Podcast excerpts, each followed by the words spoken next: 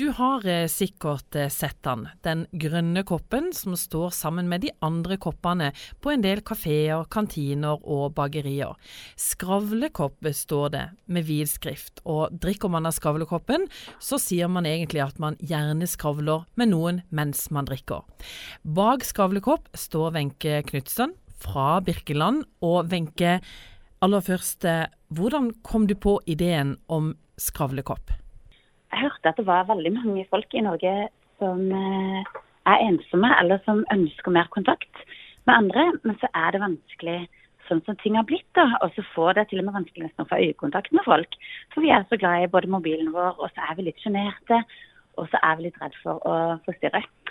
Så jeg kommer rett og slett på at vi trenger et signal. Eh, trenger et signal på at, eh, at man kan prate sammen. Og ikke minst et signal som gjør oss litt bevisste, alle mann, på at eh, man kanskje skal sveipe rommet før man sveiper telefonen, for å se om det er noen som sitter alene, og som kanskje akkurat denne dagen gikk ut for å prøve å treffe noen folk.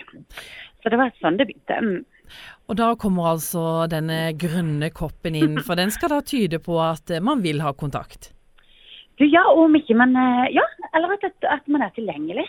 Like med det tenker jeg at den koppen er Sånn som når jeg eh, når jeg begynte å lese meg opp på, på ensomhet og eh, i landet vårt altså, Jeg, jeg syns liksom jeg er for få til at så mange kan eh, at så mange føler seg ensomme.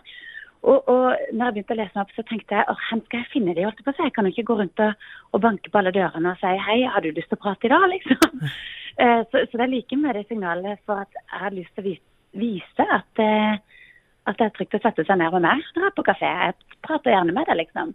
Og jeg ønska å lage et signal som, som, vi alle kunne på en måte bruke for å ja, fordi vi, nettopp fordi vi vet at det er ikke alle som har noen. Eller vi vet at det er ikke alle som, eh, som får prata nok med folk. Så må vi da gi et signal på at det er trygt og det er fint, og vi er tilgjengelige for det. Mm. Tenker du at eh, denne grønne koppen med den hvite skriften kan eh, være med på en måte å få et rausere og mer inkluderende samfunn? Jeg håper det jeg håper at, eh, at, det er, at, det er så enkelt eh, at folk har lyst til å være med. Og, og jeg skjønner jo det at, det eh, at det kan være litt sånn skummelt i starten. Og det er det for meg selv om jeg er lav av. Så er det skummelt å Ja, sånn som i går, så, så, så jeg en mann som satt alene på kafé med skravlekopp. Og til og med meg som har lagd hele kampanjen, lagd denne folkebevegelsen som har lyst på. Jeg kjenner at hjertet banker ekstra hardt når jeg går hen og setter meg ned hos han. Eh, men jeg vil jo mye heller gjøre det enn å gå hjem og legge meg og tenke uff, tenk hvis han ikke fikk prata med noen i dag.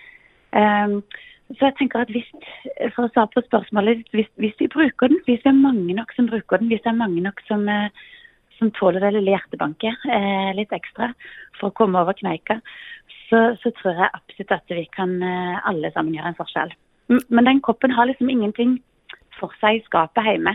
Man må liksom ut og bruke den. og Jeg håper at det blir nok kopper og nok som vet om hva det betyr til at, liksom, at det ikke handler om koppen, det handler om uh, bevisstheten eller bevisstgjøringa. At du kan, uh, du kan, gjøre en forskjell. Du kan gi noen et, et hyggelig menneskemøte bare med å kikke opp og si et hei, eller være litt mer tilgjengelig for hverandre